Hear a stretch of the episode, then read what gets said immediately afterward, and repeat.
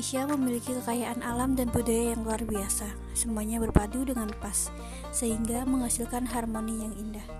Saat turis mancanegara berdatangan, mereka menyaksikan harmoni yang luar biasa.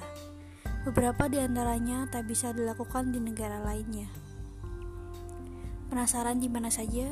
Dilansir dari beberapa sumber, berikut ini beberapa hal yang hanya bisa dilakukan di Indonesia menurut para wisatawan mancanegara alias bule. 10 hal yang bisa yang hanya bisa dilakukan di Indonesia.